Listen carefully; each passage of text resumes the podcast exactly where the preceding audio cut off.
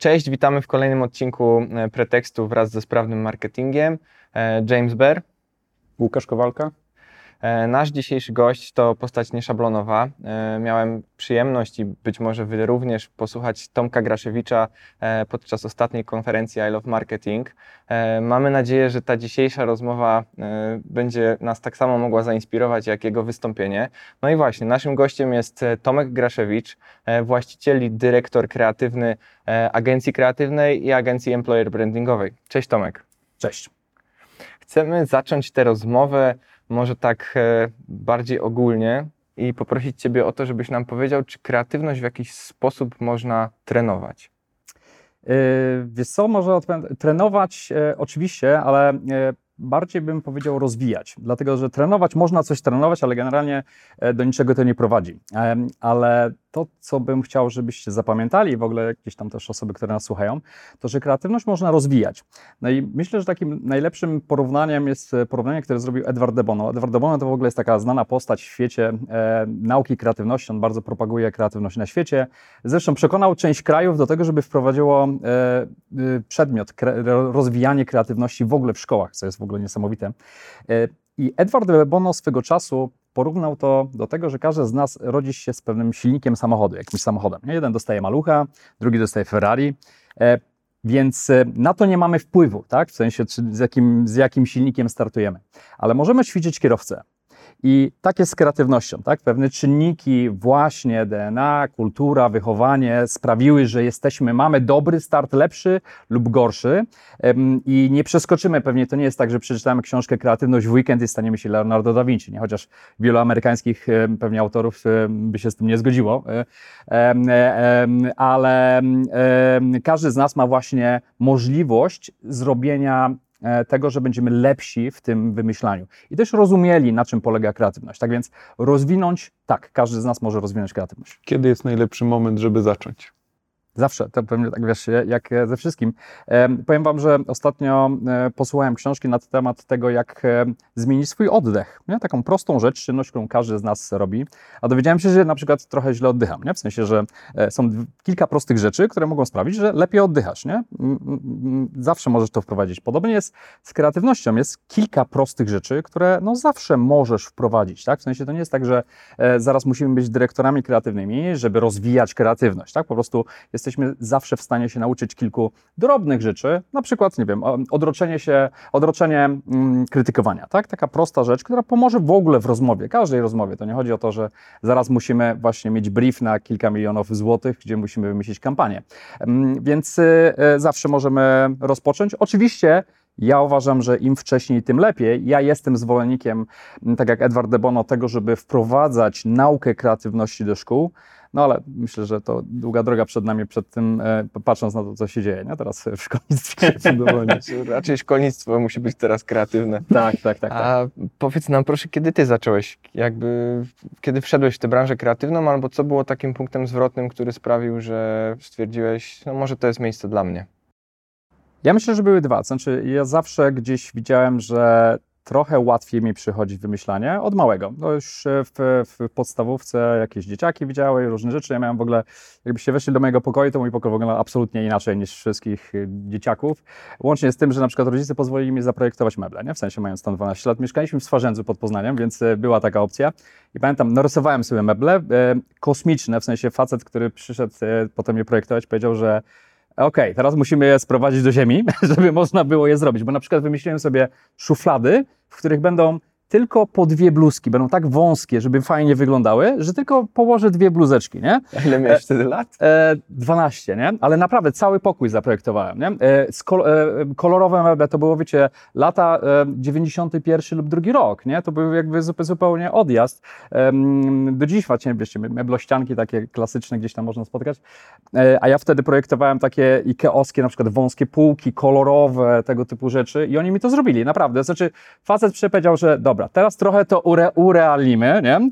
E, trochę tak jak w marketingu często mamy, wiecie, robimy projekt, a potem trzeba to jednak e, produkcyjnie zrobić, żeby dało się to zrobić, ale miałem wąskie półki, na serio, w sensie takie wąskie szuflady, w których faktycznie, no już cztery bluzki, okay, się zmieściły, ale dalej to były turbo wąskie, e, z, w, nie, w niebieskich kolorach na przykład szuflady inaczej, boki inaczej, no naprawdę ileś tam różnych taki, tego typu rzeczy, mm, więc zawsze gdzieś tam mi łatwo przychodziło wymyślanie innych rzeczy, wiele osób, moja siostra zawsze do mnie przychodziło, mówi, Tomek, ty tam zawsze masz jakieś fajne pomysły, wymyśl mi coś tam, nie? więc e, to mi zawsze przychodziło e, w miarę sprawnie, ale powiem wam, że aż do studiów, do e, drugiego roku, będąc na akademii, na Uniwersytecie Ekonomicznym teraz w Poznaniu, nie zakładałem, że pójdę studiować marketing. Dopiero jak miałem zajęcie z marketingu, pierwsze, bo na Uniwersytecie Ekonomicznym na tamten czas wybierało się po dwóch latach, wszyscy mają te same przedmioty, po dwóch latach wybierasz specjalizację.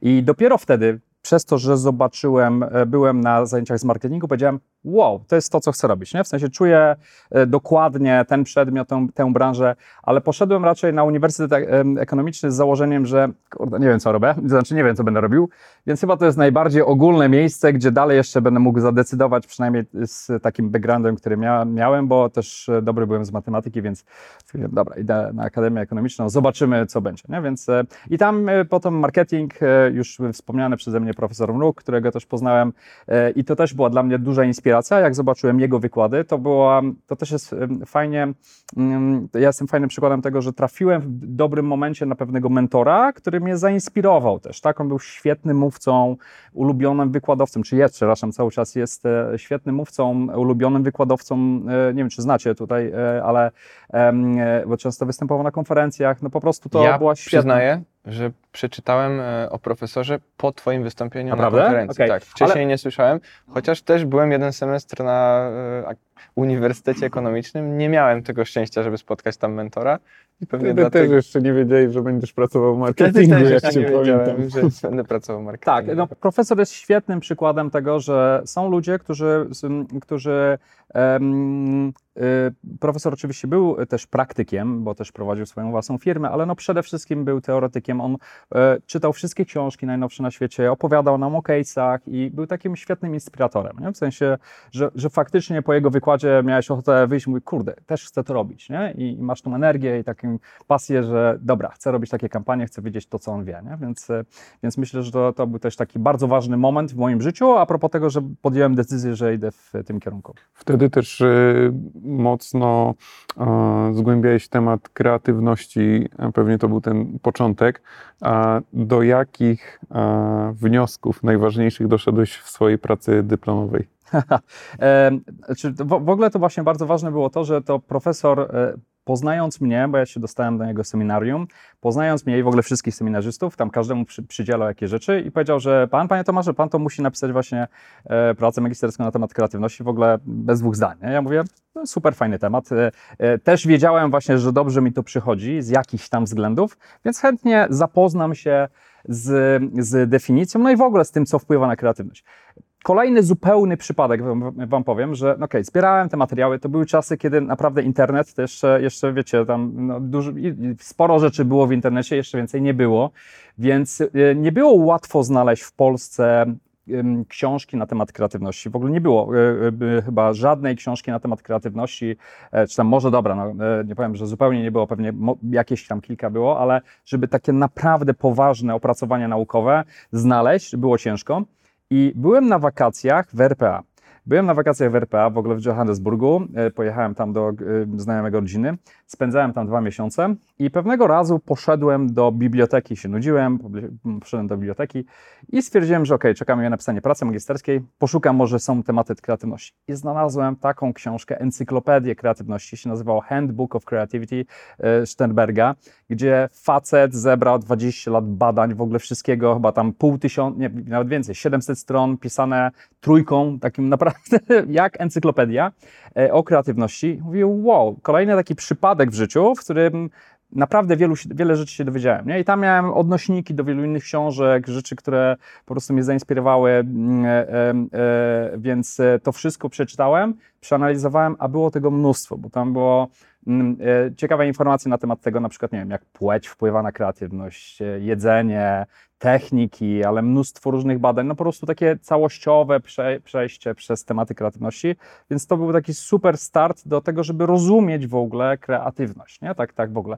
A potem, e, no kiedy już dostając się do, do, do agencji kreatywnych i pracując na co dzień, to mogłem zauważać różne mechanizmy. Nie? No I, I, przez to, że mnie to interesuje, więc y, zbieram różne ciekawe takie case'y, jak doszliśmy do na przykład jakiegoś tam mm, pomysłu. Nie? Jestem w stanie sobie to przeanalizować i niektóre z tych rzeczy w ogóle mam do dziś pozapisywane e, i na przykład na jakichś tam warsztatach, jak pokazuję lub mm, wykładach, to wracam do tego i mówię, ok, jak dokładnie doszliśmy do tego case'u?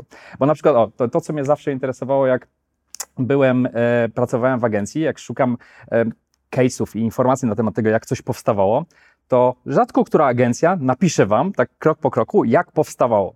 Są świetne opisy, nie wiem, do EFI, nie?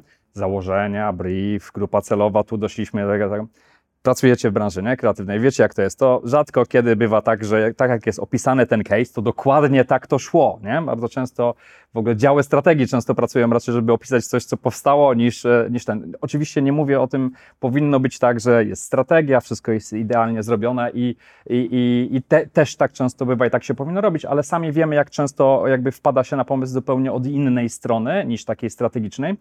Więc te wszystkie opisy nie do końca pomagają mi, mi i w ogóle ludziom w, w, takim myśleniu, ok, dobra, ale jak oni na to wpadli, tak krok po kroku, nie? W sensie, jaki był proces? E, powiem wam, taki jeden z lepszych przykładów, które ja sobie przypominam w życiu, to był WhatsApp. E, kojarzycie ten WhatsApp, nie? To hasło. Pamiętam tak, cały świat zwariował, nie? Tam do dziś pewnie się spotyka ludzi, którzy tam to krzyczą, nie? Przez pięć lat, ja tam wtedy też byłem w Stanach, kiedy to było, no po prostu wszyscy krzyczeli to na każdym rogu, nie? Tam nie?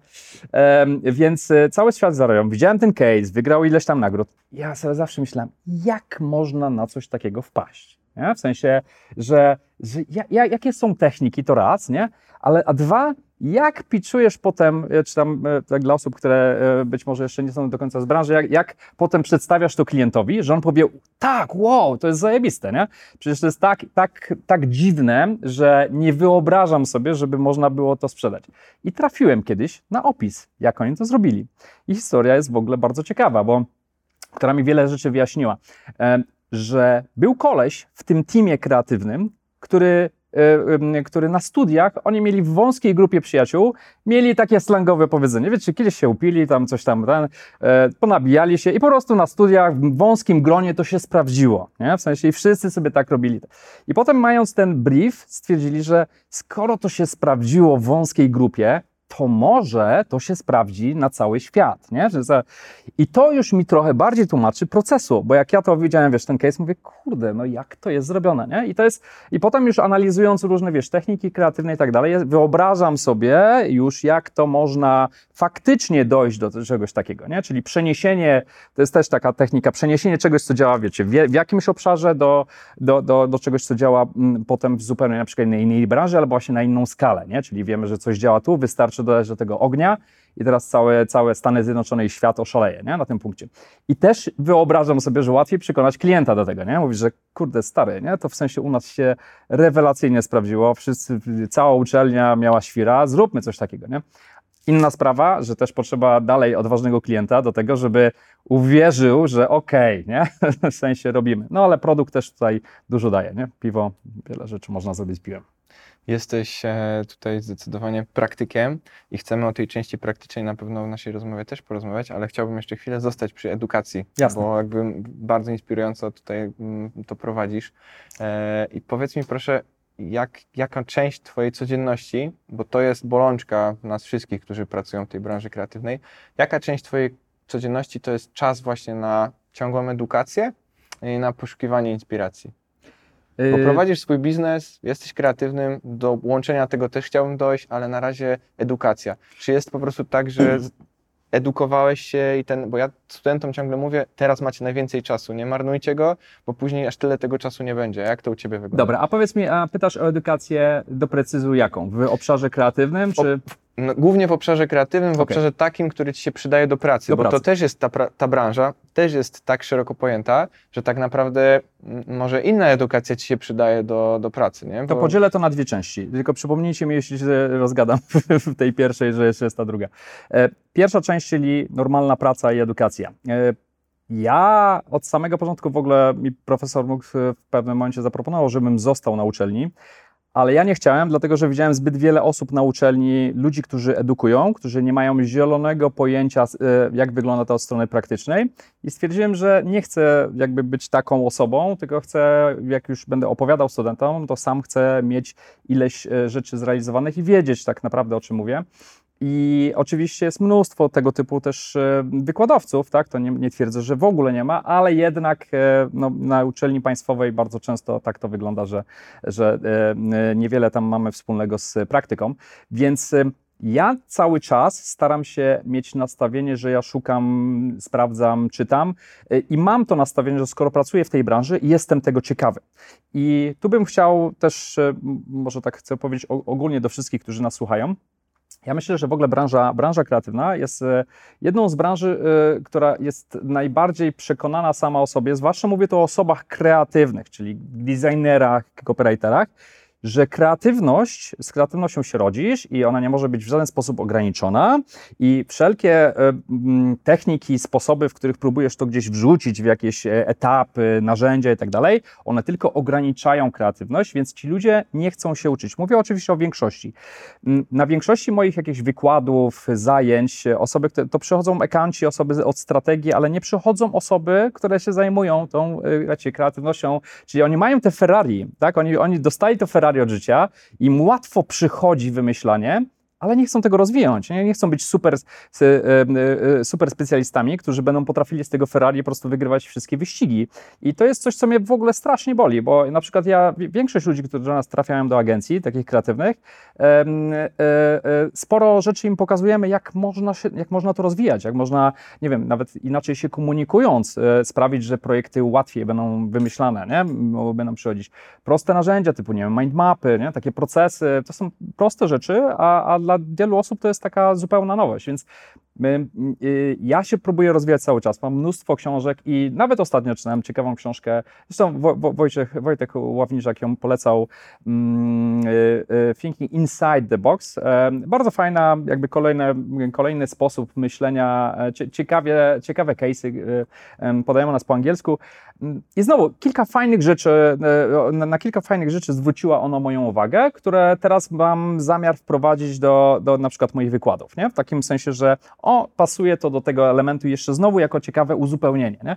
I na przykład e, wykłady, które ja prowadzę i rozwijam, ja od 12 lat zmieniam co, cały czas non-stop moją prezentację. To jest jedna wielka ewolucja, ciągła zmiana. Trzy lata temu zrobiłem taką rewolucję, że mówię, dobra, nazbierałem tych materiałów nowych tyle, że od nowa ją napisałem całkowicie i teraz osoby, które ją skończyły 3 lata temu, jakby teraz przyszły, to by zobaczyły jeszcze inną prezentację. Ona cały czas, wiecie, dodaje kolejne case'y i mówię, kurde, ciągle jeszcze bardziej zaczynam rozumieć wiele elementów, nie? że tu mi się to układa, tu mi się układa, nie? a tu znalazłem ciekawy wątek dotyczący takiej jak puzzle, nie? w sensie, że powoli widzę to, jest jeszcze pełno dziur, nie? ale zaczynam rozumieć, na czym, na czym to polega, więc e, i wiecie, ja to już robię 20 lat nie? i ciągle cały czas e, widzę mnóstwo ciekawych rzeczy, więc ja uważam, że każda osoba w tej branży powinna się rozwijać kreatywnie, dlatego, że to jest super ważne i właśnie, żeby oni, z ty, że- że- żeby z tego Ferrari zrobić na Formułę 1, nie?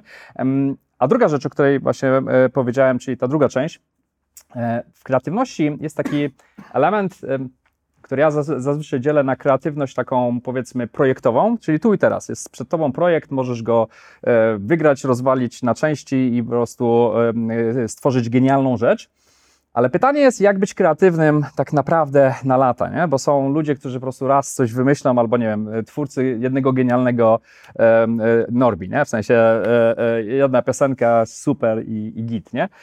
Ale jak tworzyć kreatywnie na lata, być po prostu twórcą, by, być Beatlesami, nie? E, e, ludźmi, którzy potrafią tworzyć non-stop. I okazuje się, że, że tam jest są dwa takie czynniki ważne. Jeden to jest e, czas, oczywiście, że jednak to doświadczenie jest ważne, nie? w sensie, jeżeli mówimy o takim długofalowym mm, tworzeniu. Rozpoznajesz, wiesz, paterny, wiesz o co chodzi, możesz y, bardzo szybko e, pewne rzeczy wymyśleć. Ale druga, drugi czynnik, właśnie na który, na który chcę zwrócić uwagę, to jest e, ogólna znajomość wielu rzeczy e, na świecie, otoczenia, kończenie wiele różnych kursów. E, wspominałem Wam, że dzisiaj idę na e, kurs e, na lot Boeingiem 747, czy tam już nie, nawet nie znam cyfry, ale idę nie? Na, na lot symulatorem. Ja mam pełno co roku rzeczy wylistowane, rzeczy nowych, które się uczę, bo ja, okazuje się, że uczenie się nowych rzeczy mm, powoduje powstawanie tak zwanego nowych engramów, połączeń w mózgu nie? neurobiologicznych.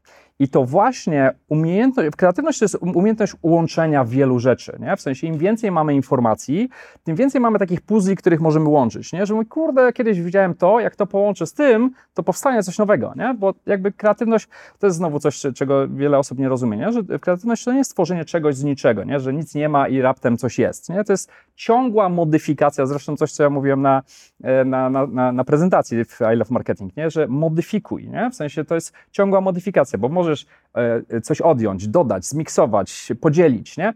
Jest w ogóle, wiesz, pewien powód, dla którego ogień znamy z, nie wiem, 300 tysięcy, pół miliona, tam są różne teorie, ale generalnie e, set tysięcy lat powstał ogień, potem musiało minąć chyba 100 tysięcy lat, żeby powstało pierwsze narzędzie i strasznie ciężko przychodziło nam wymyślanie nowych rzeczy. Nie? Ten, ten, ten mm, stopień rośnięcia nowych rzeczy jest taki, wiecie, bardzo płaski, płaski. Potem oczywiście wymyślono nie wiem, druk, pismo, ruszyło to do góry, ale im więcej mamy wiedzy i rzeczy, zobaczcie, jak wszystko ruszyło po internecie, nie? W sensie internet, totalna e, wioska, mamy kontakt wszystko ze wszystkim, to wszystko e, e, w tej chwili pędzi i tylko idzie logarytmicznie, nie? Bo mamy więcej informacji, dowiadujemy się jednego, raptem nam świta, łączymy to z tym i, i miksujemy, nie? Więc to jest super ważne, a właśnie interesowanie się różnymi rzeczami, kończenie kursów, nie? czytanie różnych książek, nie tych samych. Nie?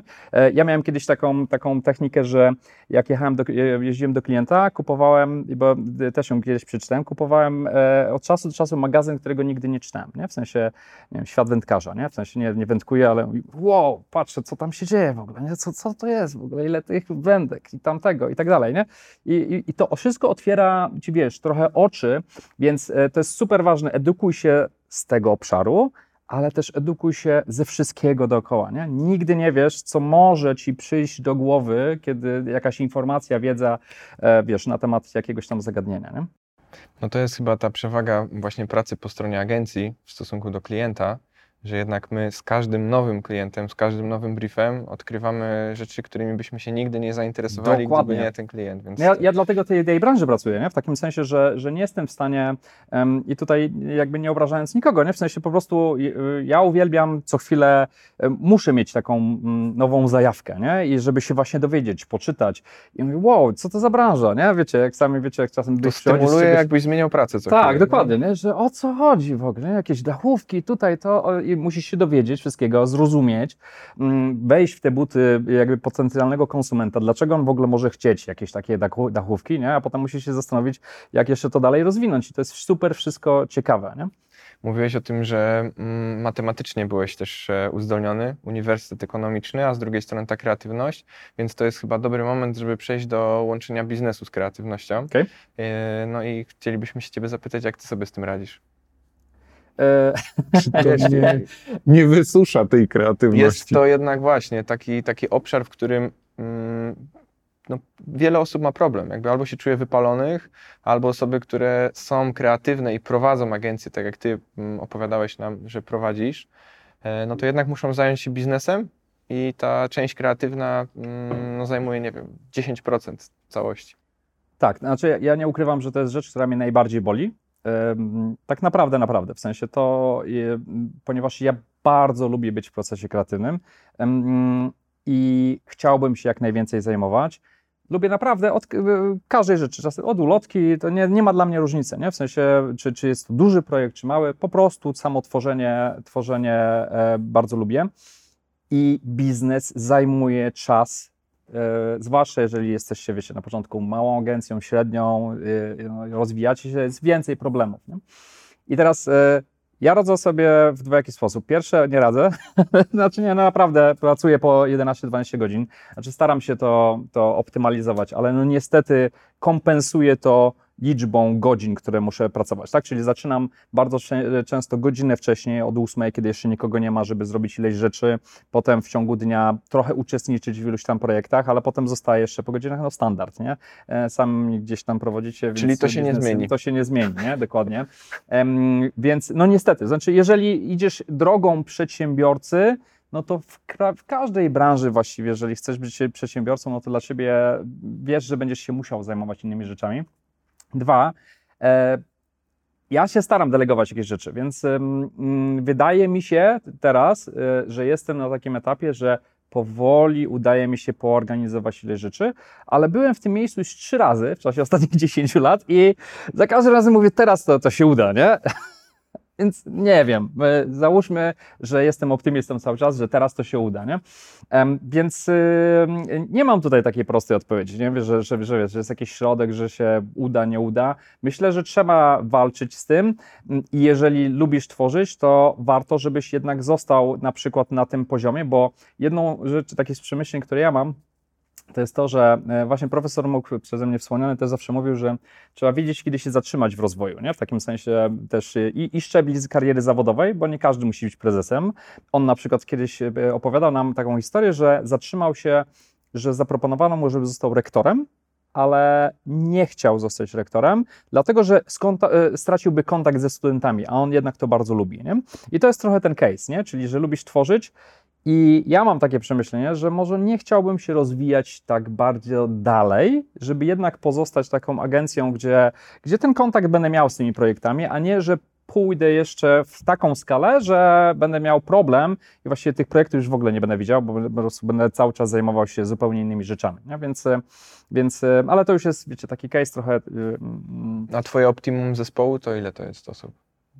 Tak, żeby ten prezes, e, którym jesteś. Ja myślę, że 30-50 e, to jest taki, taki poziom, gdzie, gdzie pewnie to się jeszcze da, tak? ale to już e, e, czy, czytając i oglądając różne case'y jeszcze agencji tak ze świata, kiedy, kiedy agencja jeszcze jest butikową, a kiedy się staje większą, to tak mi się przynajmniej wydaje, a w jakim zespole 50... ty pracujesz? Słucham? A w jakim zespole? My 30 właśnie 30. mamy. To, tak, tak, mamy ta, teraz jesteśmy taki, taki, na takim właśnie poziomie trochę transformacji, bo 30 osób to już jest tyle, że trzeba mocniej delegować pewne rzeczy, tak, i, i tam dzielić, ale jeszcze nie tracę tego kontaktu, nie, z takimi projektami i wierzę, że właśnie tak do poziomu tych jeszcze, jeszcze, jeszcze kawałek da radę, ale od pewnego progu może być to już trudniejsze, tak, więc, ale wcale mi nie zależy na tym, żeby po prostu na siłę się, się gdzieś tam rozwijać, bo też się to odbędzie pewnie właśnie kosztem projektów, kreatywności i wielu innych rzeczy. Nie? Czy musisz dużo czasu poświęcić na transformację też swojego podejścia jako właściciela firmy do każdego nowego pracownika? Myślę o tym, czy na przestrzeni lat zauważasz bardzo duże różnice w no chociażby właśnie zdolnościach kreatywnych e, nowych osób na rynku pracy to jest coś i tutaj jeśli mój zespół to ogląda, to dokładnie e, to od razu skorzystam z okazji, że wiem, że za mało y, rozmawiam, nie? E, bo, bo właśnie, wiecie, pali się to, pali się tamto, z każdą osobą porozmawiać, y, to y, jest tego czasu mało, a bardzo bym chciał i na przykład te transformacje, które robimy teraz wewnątrz, między innymi mają na celu to, żebym ja mógł częściej z niektórymi rozmawia osobami rozmawiać. Nie będę ukrywał, że pandemia bardzo utrudniła wiele rzeczy. W sensie właśnie przez to, ja, ja, osobiście nie jestem fanem pracy zdalnej, całkowitej w naszej branży, naszej organizacji, bo naprawdę ten kontakt ludzki, tworzenia razem, wymyślania, siedzenia daje te 10-20% więcej, nie? Nie twierdzę oczywiście, ja, znaczy jestem fanem pracy hybrydowej, tak? Nie chodzi mi o to, żebyśmy zaraz wrócili do, do, do biura, ale jednak całkowita praca e, zdalna w tej, w tej branży dużo po prostu odbiera. Nie, nie, nie, nie mówię, że jest zła, ale po prostu dużo odbiera mm, y, chociażby tej możliwości powymieniania się bardzo szybko na temat feedbacku, nie? Że wiecie, dyrektor kreatywny może podejść i do, do monitora i powiedzieć, a wiesz co, tutaj przesuń to, zmień to, nie? Jakiś graphic designer może ci szybko pomóc. Nie musisz się z nim umawiać na kola nie masz slotu półgodzinnego i wiecie, nie? I, i, i po, pogadać. Tak samo copywriterzy mogą sobie pogadać na szybko ze sobą powymieniać. A tak to, wiecie, kole, musisz sobie to ustawić, y, wszyscy są ciągle zajęci, bo mają... Taki korporacyjny sznyt. Pomysły, pomysły mogą w ogóle przychodzić na wspólnym wyjściu na obiad y, Słuchajcie, zespołu. z moją, z moją, moją dyrektorką kreatywną em, ciągle się śmiejemy, że nam najlepsze pomysły wpadają, jak ona wychodzi na, na papierosa, ja schodzę z nią i sobie gadamy i bach, bach, bach i mamy pomysł, nie? W sensie tego nie ma w pracy z, zdalnej, a tutaj możemy pogadać, nie? Przejść, albo ktoś mnie o coś zagada i bardzo szybko rozwiążemy problem, nie? To są takie rzeczy, których y, no, no właśnie zdalnie nie da się załatwić, nie? Ale wracając jeszcze do ludzi, no to właśnie można pogadać, można szybko dać feedback, nie? Więc hej, hej, pogadajmy, albo co się zadziało złego, nie? W danym projekcie. A tutaj macie, wiesz, tylko feedback taki, jeden, drugi, nie ma, nie ma takiego flow, nie? Tutaj w takiej pracy y, zdalnej całkowitej. Myślisz, że y, liczba bodźców, które dzisiaj nas atakuje w takim życiu codziennym, wpływa pozytywnie czy negatywnie na kreatywność? Ciekawe pytanie. Mm, e, nie wiem, wiesz, bo ja, ja często w ogóle e, e, lubię mówić, że czegoś nie wiem, w takim sensie, że bo bo chętnie na przykład bym się dowiedział teraz, e, to jako strateg też, no bo ja w ogóle z wykształcenia jestem strategiem, nie? skończyłem e, marketing strategiczny, e, strategię marketingową i potem też poszedłem na początku pracować jako strateg, więc ja zawsze jestem ciekawy w sensie, że chętnie zobaczyłbym jakieś badania, żeby tak nie strzelać, bo nawet jeżeli ja mam jakąś percepcję, ona może być błędna, nie? w takim sensie, że może się okazać, że w ogóle to jest tylko moja, w małej kreatywnej bańce mojej, tak jest, nie? Ale, ale cała reszta ludzi jest przeciążona i chce uciekać i w ogóle nie wyłącza telewizor. Mm, e, powiem tak, e, e, na Pierwsze, to o czym to przychodzi mi do głowy, stwierdziłbym, że raczej to pomaga. W takim sensie, że oczywiście może być przeciążenie, przeciążenie i tutaj pewnie warto by było zwrócić uwagę na całą część związaną z młodymi osobami dzisiaj, social mediami, patrzeniem w ekrany. To przeciąża na pewno umysł, nie? tak całościowo. Jeżeli mówimy już o osobach dorosłych, moim zdaniem y, trzeba oczywiście znaleźć tą równowagę, ale na pewno takie bodźce ogólne, y, wielość informacji i y, ja jestem zwolennikiem teorii, że im więcej masz informacji, tym więcej masz tych puzli do układania. Nie? W takim sensie, że po prostu widziałeś więcej, dzięki temu możesz coś układać. Ale znowu zwracam tylko uwagę, to jest tak, tak szybkie myślenie, bo na pewno jest ten aspekt przebodźcowania, ale chętnie bym się dowiedział. Nie? Tak, e, jeśli chodzi o same reklamy, to czytałem badania a propos ich ilości w dzisiej, dzisiejszych czasach, że mamy mniejszą atencję odbiorcy, bo trzeba to podzielić na twórców reklamy i na odbiorców. Jeśli chodzi o odbiorców, to ilość tych reklam, czyli wiesz, w toalecie, w kinie, w, na stadionie piłkarskim, w telefonie, na bankomacie, tak naprawdę tych reklam jest tyle, że my ich nawet nie zauważamy. Nie? Radio, tramwaj, wszędzie są. Że jeszcze 20 lat temu nie było ich aż tyle i po prostu odbiorca się uodpornił na lokowania produktów, na te reklamy, które są wszędzie. No i w tym aspekcie branży reklamowej na pewno jest trudniej się przebić, że kiedyś jak była reklama, to ona budziła, wiesz, większą sensację. Teraz po prostu ta reklama jest absolutnie wszędzie i aż dziwne, że tutaj e, nie stoi jakiś napój, czy, czy, czy, czy wiesz, czy jakiś inny produkt, który moglibyśmy lokować. Więc... E, ja się z Tobą całkowicie zgadzam, bo, bo padło pytanie, czy to pomaga w kreatywności, nie? Więc e, moim zdaniem, tak na moje przeczucie, trochę pomaga, ale z, z, kolei to, co, o czym ty mówisz, tu się zgadzam absolutnie. Nam, nam, w ogóle jako twórcom dzisiaj jest mega trudno. Ja sam widzę po sobie, to jest, wiesz, włączają się automatyzmy typu yy, yy, nie zwracasz uwagi w ogóle na tą reklamę, nie? Yy, znowu coś, co, o czym ja zawsze z marketerami rozmawiam i na co im zwracam uwagę, że słuchajcie, jedna rzecz to jest w ogóle, czy stworzyliśmy reklamę, która jest ciekawa, ale druga, jest, druga rzecz to jest, czy ona zwróci w ogóle uwagę. I bardzo często ważniejsze jest zwrócenie uwagi niż to, czy my zrobi, zrobiliśmy, wiecie, reklamę taką, że ona się zgadza z briefem i wszystko jest ok. No bo dzisiaj musi się wybić w tym tłumie nie? i w paśmie reklamowym, że ktoś to zapamięta I walczę z tym bardzo, bo bardzo często, wiecie, mamy takie podejście, że ok, dan, jest, wszystko ok, zrobiliśmy dobrą reklamę, a potem wszyscy się zastanawiam, co nie zadziałało, nie? No nie zadziałało to, że to wygląda jak 50 innych banerów, jak 50 innych e, spotów, nie? No i teraz jak ten biedny odbiorca ma w tej chwili faktycznie zapamiętać e, twój przekaz, nie? No ale to jest coś takiego, co, co no właśnie, no, niektórzy, niektóre osoby czują, niektóre osoby nie czują, nie? Że że to sprawi różnicę. I kolejny case z, z, tego typu to z kolei ja byłem na, na szkoleniu, gdzie facet opowiadał i rzeczywiście to, to, pasuje do tej twojej ciekawości, wsadzić kij w mrowisko i później się zastanawiać, e, jak to rzeczywiście może wyglądać.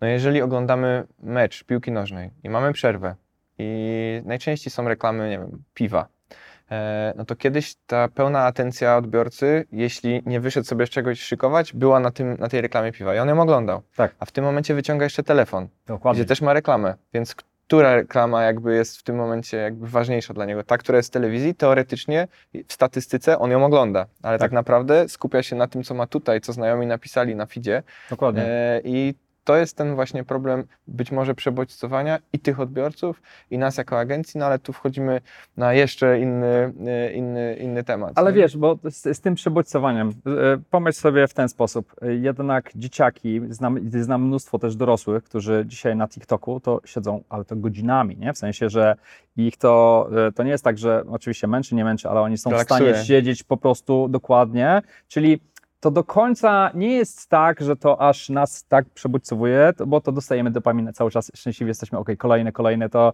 super działa, nie? że nie, nie podoba mi się w jednej minucie, bach, czy tam 30 sekund, kolejne 30 sekund i cały czas to dostajemy, nie? więc też jest ważne, żeby to kontrolować. Ale psycholog tego by nie nazwał relaksem. Ja wiem, wiem, ja, oczywiście, nie, nie, też uważam, że to nie jest relaks, nie? żeby nie było, e, ale chodzi mi o to, że dajemy gdzieś tam radę, ale tak jak mówię, chętnie zobaczyłbym badania, bo też yy, mówię o wpływie na kreatywność i, i, na to, czy to jest... A to nawiązując do pytania Łukasza i do tego, co tutaj mamy e, na tapecie tak zwanej, czy widzisz różnicę w e, tej takiej możliwości korzystania z różnych narzędzi właśnie w pokoleniu nowych pracowników młodszych na przykład w stosunku do tych bardziej doświadczonych, którzy są z innej generacji, czy zaciera się to w tej twojej Chodzi, tak, branży? Tak, mówicie ogólnie? Na, przychodzi dwudziestolatek, który jest za pan brat z TikTokiem i jakby mówi, słuchajcie, e, to teraz tak nie wygląda, czy jednak w Twojej agencji głos mają osoby, które mają większe doświadczenie, no i wiekowe również? Powiem Ci tak, mamy młodą generację i dla mnie to jest super inspirujące, jak ja widzę, jak oni używają. Mam na przykład dziewczynę, która ma prawie 300 tysięcy followersów na TikToku, nie? Bo, bo, bo ma po prostu taki profil tam specjalistyczny i, i, i jest sama w sobie influencerem i mm, widzę, jakie treści się konsumują. Na przykład mam taki cykl na LinkedInie kreatywne chwyty, gdzie tam pokazuję różne techniki związane z kreatywnością i z reklamami, ale większość z nich, tych case'ów, które pokazuję, z racji tego, że wiecie, muszę zebrać i zrobić galerię, no to są case'y reklam prasowych. Nie? No większość, z, wiecie, dzisiaj prasa to oczywiście już, już jest na wymarciu i już agencji nie dostają briefu na zasadzie zróbmy, musimy zrobić super ogłoszenie prasowe. Nie, musimy zrobić super kampanię internetową. I kiedyś pojawiło mi się takie pytanie kogoś, kto tam to oglądał, na zasadzie, a jak to się ma do dzisiejszego świata interaktyw, nie? W sensie, że, że powinniśmy pewnie zrobić cały taki cykl z kolei związany tylko z reklamami interaktywnymi, bo to jest zupełnie, zupełnie in, inne narzędzia się używa niż wiele z tych technik, które ja tam pokazuję ogólnie, tak, w, w tych kreatywnych chwytach. Więc e, ten świat się zmienił, oczywiście, i to jest inne pokolenie, i ja widzę różnicę myślenia mojego i e, powiedzmy osób, które mają trochę większe doświadczenie, od myślenia um, młodej generacji osób. Też um, obserwuję kilka takich agencji na świecie, które mają to młode podejście, trochę inny styl komunikacji, często zwracają bardziej na formę niż na treść. W sensie my na przykład jesteśmy wyspecjalizowani w, w ideach, nie? W sensie tak myślimy ideowo, jaki będzie super hasło, znani jesteśmy z zabaw w ogóle gdzieś tam słownych, tworzymy potem do tego świetną grafikę i to wszystko musi być spójne, logiczne i tworzyć pewną platformę komunikacji, tak? Ale na przykład nie, y, jakby te formy różne dodatkowe, to no dobra, teraz robimy przeformatowanie, to lecimy, nie? W sensie tu jest key visual, ro, robimy wiele rzeczy.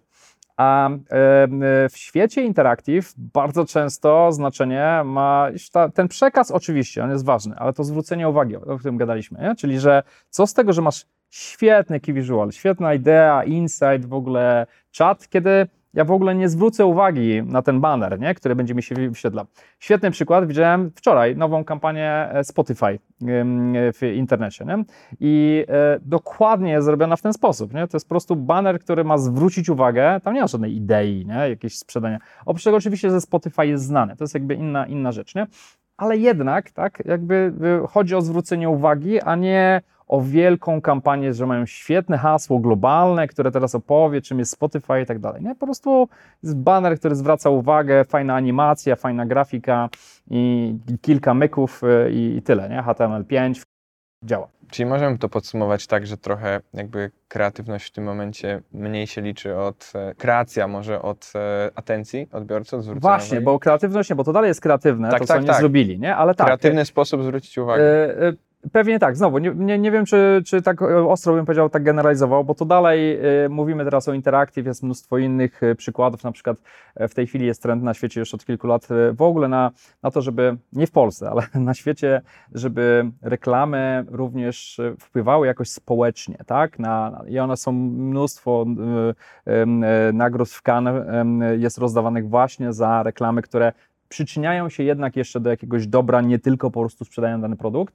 Więc to jest też bardzo fajny trend, o którym moglibyśmy tutaj rozmawiać i te rzeczy też zwracają uwagę, bo to jest po prostu inne narzędzie, nie? Czyli znowu, nie mamy czegoś, co, co, co po prostu jest jakby tylko ideą produktową albo efektu takiego gadżetu, który tylko tu śmignie, dwa razy mru- mrugnie nie? i już zwrócisz uwagę i mamy dan, nie? Tylko coś innego i te, te rzeczy też działają, nie? Po prostu mm, e, musimy zwracać na ileś tam rzeczy jeszcze dodatkowych uwagę.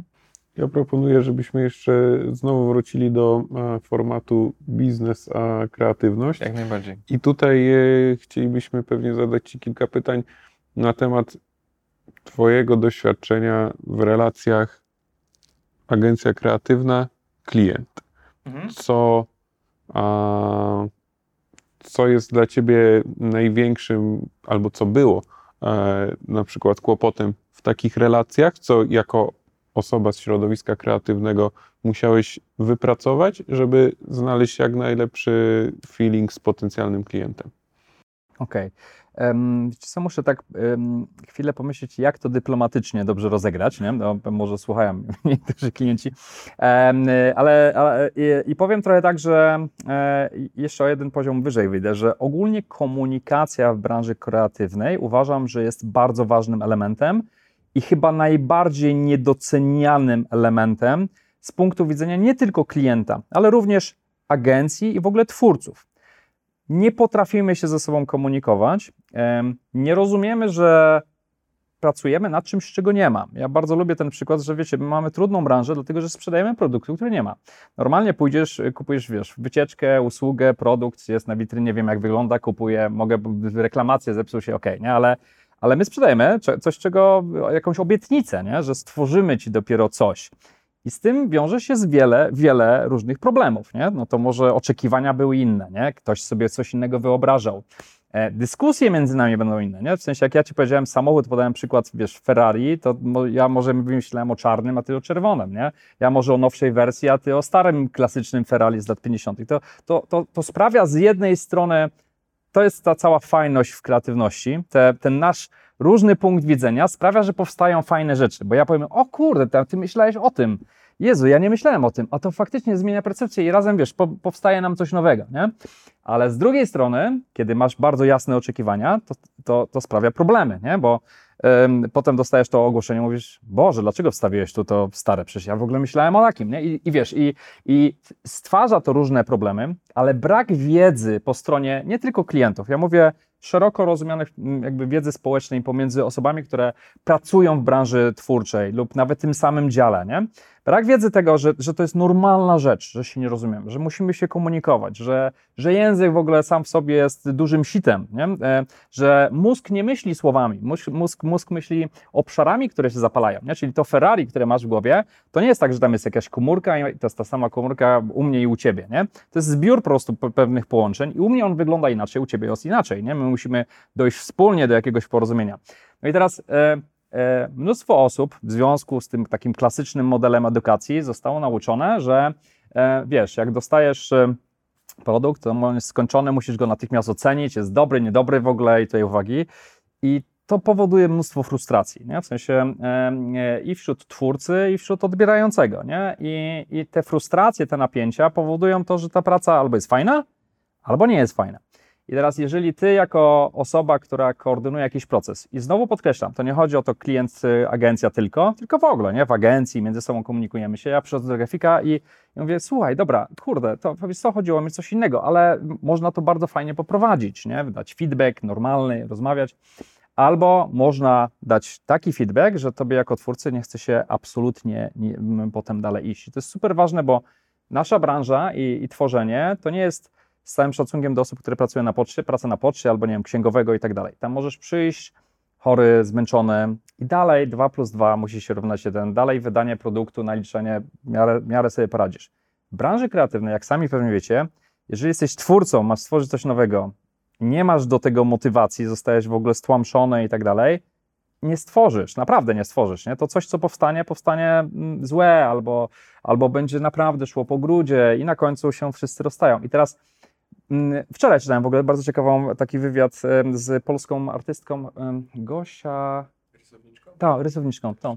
Dokładnie. I pamiętasz, jaki by tam był tytuł? E, chodziło o to, że polscy klienci dostatecznie dużo płacą i że ona już nie bierze. To było pierwsze, było drugie. Jeszcze drugie było nie, nie, płacą i kultura pracy. Kultura pracy. Dokładnie. Widzisz, a ja tylko o finansach. A, a, a, widzisz, a ja właśnie zwróciłem na to uwagę, że płacę mówię oczywiste, ale kultura pracy, nie? W sensie i o tą kulturę właśnie chodzi, nie? W takim sensie, że, że my musimy y, rozumieć, że to wszystko nie jest proste i że y, wszyscy gramy do tej samej bramki, że y, powinniśmy traktować się partnersko i po prostu wiedzieć, że za tą pracą kreatywną, nawet jeżeli ona nie jest trafiona, naprawdę masę godzin często, często stoi. Nie? I to jest na przykład coś, czym z kolei klienci często nie biorą pod uwagę. Nie? W sensie powysyłamy zapytania do agencji, niech sobie tam siedzą. Nie? a to słuchajcie, co czasem kosztuje 10, 20, nie wiem, 50 tysięcy złotych przygotowanie, znaczy ja już nie mówię o dużych jeszcze agencjach, ale no to dlatego mówię 50, 100, no tam już e, przy dużych przetargach to są naprawdę olbrzymie kwoty i na przykład nawet nie podziękowanie za to, a to się zdarza, nie? w sensie, że wiesz, agencja gdzieś tam zrobiła, pracowała, e, nie ma nawet informacji, że słuchajcie, nie trafiliście, to jest normalne ja to przyjmuję. No, w sensie, no, nawet najlepsze agencje na świecie, ja sobie też na przykład sprawdzam, to bardzo lubię, żeby zobaczyć, jakie wyglądają. Wygrywają przetargi na poziomie 50-60%. Nie? W sensie, że idziesz do jednych z najlepszych agencji świata, które mają 50 kan, czy tam 30 um, wygrały w ostatnim kan, one dalej mają współczynnik 50% nie? zwycięstw.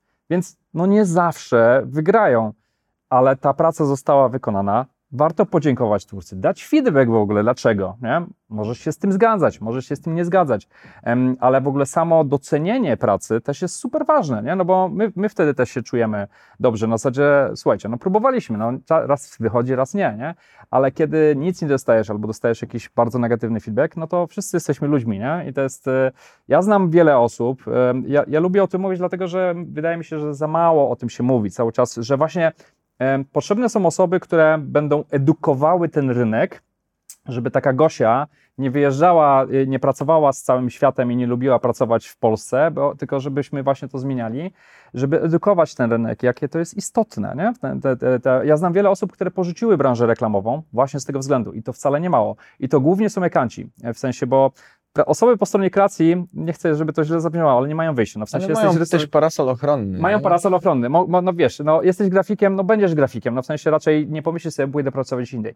Ale ekanci e, mogą pracować w wielu różnych miejscach i ja znam niemało ekantów, naprawdę, którzy po prostu e, stwierdzili, dobra, idę po, albo idę do, e, pracować po stronie klienta i teraz to ja będę, będę się wyżywać na agencji, albo w ogóle rezygnują z branży i idą gdzieś indziej. I to jest takie przykre, bo są fajni, fajni ludzie, a ja wiem, co, co, co sprawiło, że byli sfrustrowani. Nie byli sfrustrowani tym, tym. Nie chcę, żebyśmy tak kurde zabrzmiało, że ciągle narzekamy, ale... To jest również bardzo ważny element całej tej branży i myślę, że osoby, które nas słuchają i są z tej branży, to jest ich chleb powszedni bo my zawsze tak do siebie bierzemy i na pewno każdy z nas e, ma projekcję, u- jakby jak to u niego Tak, wygląda. przypominasz sobie już Dokładnie. nie, nie jedną sytuację i tak dalej. Ja nie? też czułem, że kiedyś pracuję w kreacji, teraz jestem ekantem bardziej u siebie i po prostu widzę, jak to wygląda. Ale wracając też do e, tej artystki, którą przytoczyłeś, bo ona akurat jest freelancerką, więc jest kreatywna, a z drugiej strony musi zbierać zlecenia. E, ale tam w tej rozmowie również była, bo to można podkreślić i tym samym przejść do ciebie, e, podkreśliła to, że ona na przykład miała tę bezczelność w sobie odmówienia e, New York Timesowi bodajże e, rysunków. E, ale z drugiej strony bała się, że oni do niej nie zadzwonią. I teraz chciałem się ciebie zapytać, gdyby do mnie zadzwonił New York Times i byłbym na jej miejscu, bo ja o tym myślałem, jak ona to, jak to ona to opowiadała, że ona nie miała przestrzeni w swoim kalendarzu na New York Timesa. No ja chyba bym nie spał, żeby mieć tę przestrzeń, ale jak ty uważasz, gdzie jest złoty środek, bo jednak oni się później do niej odezwali. Więc e, pytanie, y, jak ty robisz i czy masz ten komfort po latach e, tej pracy? E, no również powiedzenia tego, no, no, no Ferrari, nie mam miejsca w swoim kalendarzu. E, Wiesz co, ja myślę, że tu jest jedna kluczowa rzecz. Kim jest ta osoba w tym przypadku? Bo to nie jest przypadek, że New York Times zgłosił się do niej, nie? Czyli jej pozycja już jest taka, że trochę może sobie odmówić, więc to jest super ważne. Jeżeli jesteś małą agencją na dorobku i zgłaszać się do New York Times, to ja to rozumiem, że rzucasz wszystko, no bo to jest okazja. W sensie taka okazja najprawdopodobniej się nie trafi, nie? więc masz, e, powinieneś traktować to priorytetowo. Ja też pamiętam takie sytuacje w życiu. Nie? I e, na przykład w naszej drugiej agencji Job and Joy, gdzie my mamy naprawdę, tam jesteśmy, no, no, bardzo dużo marek się do nas zgłasza, e, mnóstwo ciekawych realizacji. Tam już mamy taki etap spokojnie, że no nie, nie, nie, dajemy rady, jest na full i e, dbamy o tą jakość, żeby jednak to do, e, dowieść, więc e, e, w ostatnich e, dwóch latach 30% rzeczy albo 20% to ja, ja zrezygnowałem z jakichś zapytań, nie? w sensie, bo nie jesteśmy w stanie tego obsługiwać i, e, i, i nie możemy. Ale nieraz pamiętam w swojej historii takie sytuacje, że przychodzi do nas duża marka, o Jezu, rzucamy wszystko, dobra, to jest teraz priorytet, nie? I czasem się udaje, czasem się nie udaje, nie? Albo na przykład ciekawy brief. Miałem taki case e, dwa miesiące temu. Był mega ciekawy jeden brief, który po, po prostu dawał mnóstwo możliwości i, i dla mnie był też satysfakcjonujący. Tutaj się nawet się śmieli u mnie w agencji, że właśnie było wiadomo, że nie mamy na to przestrzeni, ale ja bardzo chcę, nie? Więc dobra, robimy, dlatego że e, są takie momenty, takie briefy i takie zapytania, które mogą sprawić różnicę, nie? W sensie, że y, wiecie, że, że to jest ten case jeden więcej jak Norbi, nie? W sensie, może, może, że to się może udać, nie? I, i, I wiele jest przypadków w branży kreatywnej. No z tym też musimy, to, to było moje zakończenie mojej prolekcji na, na I Love Marketing, e, taki smaczek, że pamiętajmy, że no właśnie trzeba mieć trochę też szczęścia, nie? W tym wszystkim, że po prostu niektóre, nawet jest wiele genialnych pomysłów, które nie przychodzą, bo nie wiem, bo zarząd gdzieś tam uciął, tak? Albo ktoś jednak nie miał wyobraźni, jak to będzie wyglądać, albo zabrakło budżetu, albo no inne rzeczy, albo wiesz, mm, jest mnóstwo takich przypadków, że wszystko gra, ale na przykład aktor przyjdzie nie taki, nie? E, znam taki case, nie wiem czy kojarzycie, kurde, Squat- Squatty Potty. Squatty Potty to jest takie, mm, e, sprawdźcie sobie w. Dobra, to jakby co, e, sprawdźcie sobie w internecie, nie? W sensie polecam i making of koniecznie. I to jest takie urządzenie do wypróżniania się, do, lepszego wypróżniania się. W ogóle bardzo trudny produkt, którym nakręcili słuchajcie, taki film, który był viralem, ma 30-40 milionów wyświetleń, w ogóle kosmos, musicie zobaczyć, nie? I koniecznie jako marketingowcy, po pierwsze trzeba zobaczyć ten film, ale drugi jest genialny making of. Mega, nie? W sensie, gdzie dokładnie pokazują proces, jak to powstawało i właśnie tłumaczą naprawdę jeden po jeden. I tam jest, niesamowite jest to, il, w ilu momentach to mogło pójść nie tak, nie? Na przykład spośród 30 osób, tam mieli jedną osobę, która gra to wszystko. Spośród 30 osób nie znaleźli nikogo. Ostatnia osoba, która weszła na nagrania, to był chłopak, który stwierdził, jeszcze jest na ostatnim roku studiów, powiedział, a przyjdę sobie w sensie, zobaczę, nie? I on po prostu idealnie pasuje, nie? E, e, I wiecie, i potem gdzieś tam znaleźli kogoś od kukiełek, który po prostu jest mistrzem tam świata w kukiełkach i tam to zrobił, nie? Copywritera ściągnęli samolotem, przyjechał, nie? W sensie i dograł, wymyślił kilka rzeczy, których w ogóle nie było wcześniej, nie? Wiecie, to jest ten, na końcu ten taki najbardziej genialny produkt, często bo to jest zbiór drobnych elementów, które sprawiają, że wszystko zagra. I to jest ten, wiesz, trochę tego szczęścia, nie? Więc trzeba sobie pomagać trochę jak masz takie zapytanie, nie, no e, sam musisz zdecydować, nie? Jeżeli jeszcze nie masz tej, tej, takiego komfortu, że wiesz, że dobra, jak nie New York Times, to i tak przyjdzie inne, inne coś, coś równie dużego, nie? Więc trochę odpowiadając w, w ten sposób. E, słuchaj, chcielibyśmy się Ciebie jeszcze zapytać, bo mamy na to czas, o czym będziesz opowiadał na konferencji e, I Love Marketing. Jasne. Na poprzedniej jako debiutant. Drugie miejsce w bardzo silnej stawce. E, ja wczoraj z Łukaszem też o tym rozmawiałem, że miałem dwa dni później, jak siedziałem na waszym dniu, to się stresowałem i patrzyłem na was i myślałem, że dobrze, że ja tutaj nie rywalizuję w tej ekipie, e, a mimo to ty jakby wskoczyłeś na drugie miejsce, więc myślę, że sporo osób no, czeka na, ten, na tę Twoją prelekcję i zdradź nam to, co możesz w tej Jasne. chwili. E, znaczy, wiesz co, e, na początku miałem pomysł, że nie będę mówił do samej prelekcji, e, bo pomysł miałem, żeby śmiesznie zabrzmiało, już nawet przed tamtym wystąpieniem, bo mam ileś różnych pomysłów na różne wystąpienia i, i akurat to mi gdzieś tam chodziło po głowie. Ale przy tym, co się dzieje dzisiaj na świecie, to wiem, że już tego nie utrzymam po prostu w tajemnicy, bo interesuję się też od dłuższego czasu tym, jak sztuczna inteligencja wpłynie w ogóle na branżę kreatywną, tak? Ale, bo wpłynie bardzo mocno. I teraz e, e, ja już to analizuję od dłuższego czasu, czytam różne książki, artykuły i tak dalej, ale teraz e, już ileś firm wypuściło dodatkowe rzeczy, o którym wszyscy piszą, więc wiem, że nie ma sensu tego utrzymywać w tajemnicy. Ale na, myślę, że na całym świecie toczy się duża dyskusja na temat tego, czy maszyny potrafią tworzyć i czy część branży zostanie bez pracy, bo maszyny zaczynają pisać, maszyny zaczynają robić grafikę, produkować, nawet pisać scenariusze do filmów. No mnóstwo rzeczy się dzieje i wiecie, jak ja czytam komentarze, to, to ludzie są podzieleni, nie? Jedni są zafascynowani, drudzy są tak na zasadzie okej, okay, ale widzimy, że już naprawdę coraz bardziej e, nie jest potrzebny grafik, nie jest do końca potrzebny copywriter, a przynajmniej ludzie, którzy piszą proste teksty i tak dalej, i tak dalej, nie? I teraz jest pytanie, gdzie jest moment, w którym się to się zatrzyma, bo my dopiero widzimy początek tej rewolucji, nie? Więc w skali, wiecie, świata, te, te, te kilka lat, w których dopiero to się rozwinęło, ja pamiętam, wiesz, 10 lat temu jeszcze internet i jakieś tam różne rzeczy social mediowe to były może nie 10, dobra, naście, no to w sensie jakaś nowość i zobaczcie, gdzie jesteśmy, nie? A w świecie sztucznej inteligencji, gdzie maszyny same potrafią pewne rzeczy zrobić, to jest ciekawe pytanie, w jakim kierunku to idzie. Ja będę chciał na to pytanie odpowiedzieć, tak? W sensie e, po, po analizie e, naprawdę wielu książek, e, które czytam specjalnie przygotowując się na ten wykład, oglądając różne case'y, zbierając informacje, myślę, że mam całkiem ciekawe przemyślenia, no i właśnie chciałem się podzielić tymi przemyśleniami. To ja się nie mogę doczekać, ale musimy jeszcze na sam koniec nasze ulubione pytanie, takie sztandarowe. E, liczymy na to, że może Ty nas zaskoczysz teraz e, Twoim projektem marzeń. Projekt marzeń, okej. Okay. Że za, zaskoczę Was. e, e, to, to może Was zaskoczę, bo nie mam czegoś takiego. W takim sensie, że e, jak projekt marzeń, coś, co, o czym bym marzył naprawdę, dlatego że oprócz tego, że naprawdę dla mnie tworzenie jest fajne zawsze. Nie? klient, sensie, branża też nie? Absolutnie, nie? W sensie, że e, e, e, my udowodniliśmy na przykład ileś razy, że zwykłą ulotką można zrobić coś, czego nikt nie zrobił, albo na przykład, nie wiem, zwiększyć sprzedaż całej firmy rocznej o 20%, nie? W sensie jakąś tam ulotką, bo zrobiliśmy to zupełnie inaczej.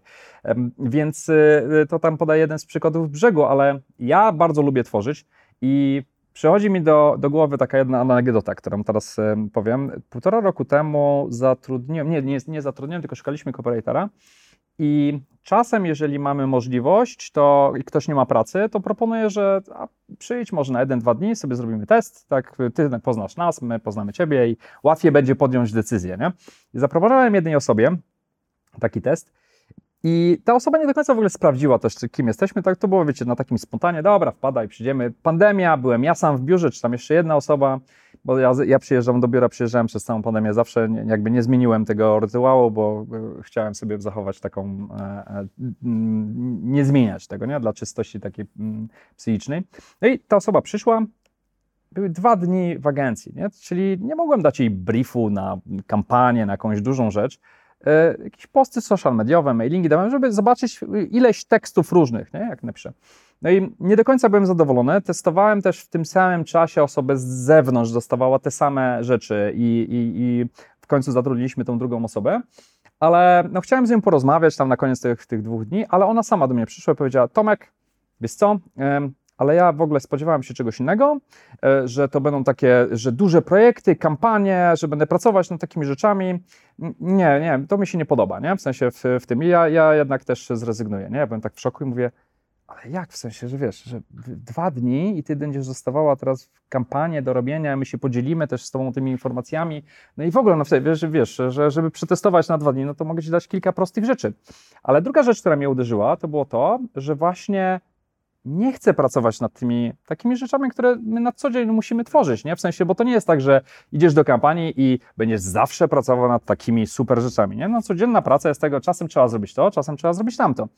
Ja nie mam absolutnie żadnego problemu, żeby robić takie rzeczy, nie? W sensie, jakby kogoś nie było, sam bym siedział i wymyślał, nie? Mm, e, wczoraj poprawiłem, nie wiem, w radiówce, jak tam przechodziłem, ekantka mnie zapytała, Tomek, kurde, masz pomysł tam na końcówkę zdania, bo coś tam, coś tam i wymyśliłem raz, dwa, poszło, nie? E, I w ogóle jak zatrudniam też osoby, dla mnie to jest bardzo ważne, czy nie mają problemu z pracami takimi normalnymi, nie? w sensie jakichś oczekiwań takich, że, że tylko będę pracował nad tymi rzeczami. I, I trochę ja mam takie podejście, że nie mam oczekiwania, że przyjdzie mi taki brief e, nie wiadomo jaki. Ja mam raczej ciągłe myślenie, że bez względu jaki jest brief, to zawsze może się udać zrobić, nie wiem, kan, nie? E, z tego. I, i, i ciąg, e, czyli nie zrzucam odpowiedzialności na zewnątrz, że czekam na kogoś, kto wyśle mi coś, co rozwiąże moje problemy, bo prawda jest taka, że to ode mnie zależy, czy ja z małego briefu zrobię coś, co po prostu wygra kan, nie? I myślę, że to jest takie fajne zakończenie. Ale pozwolę sobie pociągnąć ten wątek, bo mam ten sam problem, jeśli chodzi o rekrutację bardzo często i również o tym wczoraj rozmawialiśmy. Mianowicie wiele osób, które nie, nie pracowały jeszcze w branży, mm, odbiera tę naszą branżę jako tylko wielkie projekty. Jakby przychodzą i spotykam się też z tym, co ty powiedziałeś. Właśnie nie tego oczekiwałem, nie tego oczekiwałam. Myślałam, że to są większe rzeczy. A jednak wydaje mi się, nie, jestem pewien, jakby, że większość agencji to są te drobne rzeczy. Składają się z tych drobnych rzeczy, z tych postów na social media, z krótkich e, artykułów sponsorowanych i z tego typu treści a rzadko kto dostaje mm, tę wielką kampanię, albo Chyba, że rzadko z małego kiedy. projektu robisz taką rzecz, że tak. dzięki temu dostajesz większe. większe kampanie. Jasne, ale sobie podam Ci przykład, bo ja e, często sobie śledzę różne takie agencje na świecie, e, bo szukam inspiracji, jak oni pracują, jak działają. E, mam kilka takich tam ulubionych i zawsze patrzę tam na ich stronę i mają to, wiecie, 10-20 projektów, nie? Tam 200, 300, pół tysiąca osób, 20 projektów, nie? Tak sobie myślisz, a gdzie jest reszta, nie? Reszta jest tak, 80% nie do pokazania, bo po prostu klienci tam w ogóle wszystko zostało tak zmienione, że nie pokażesz. Cały background, który za tym stoi jest też nie do pokazania, bo fajnie wygląda to na wizualu, jak zobaczysz to potem dalej, to wiesz, to znowu nie pokazujemy, nie pokazujemy i ci wszyscy ludzie muszą nad czymś pracować, nie? Ale no co z tego, po, po, po co pokazywać to, jak e, nikogo to nie interesuje? Nasza klientka ostatnio jedna e, e, poprosiła mnie jedną rzecz, że wysłałem portfolio, ona mówi, dobra, a, a gdzie są takie zwyczajne rzeczy, które robicie, nie? W sensie posty, coś tam mówię, no, nie wrzucamy tego do portfolio, no bo po pierwsze nikogo to tak bardzo nie interesuje, no bo to nie są takie super rzeczy, właśnie jak, fa żeby fajnie się e, tym pochwalić, ale robimy tego masę, to jest 80% naszej pracy, nie? E, więc e, tak, no to jest taki ciekawy temat i, i faktycznie osoby młode, nowe, które przychodzą do branży, bo tamta dziewczyna też była młoda, no jakby nie do końca wiedziała, próbowałem ją trochę uświadomić, ale jakby też nie byłem zdecydowany na nią, więc jakby tu się nasze drogi rozeszły, ale myślę, że można mieć tutaj dysonans, nie? Że widzisz to portfolio, te nagrody, te wszystkie rzeczy, nie? które są wylistowane, no przychodzisz, jesteś nowy, no i co dostajesz? Nowe posty do pisania, mailing, yy, prosta grafika na ulotkę, no i to są rzeczy, od których możesz zacząć. Krok po kroku. I tu postawmy kropkę. Dziękujemy za dzisiejszą rozmowę. Dzięki wielkie. Ci, Tomek, że przyjąłeś nasze zaproszenie. Dzięki.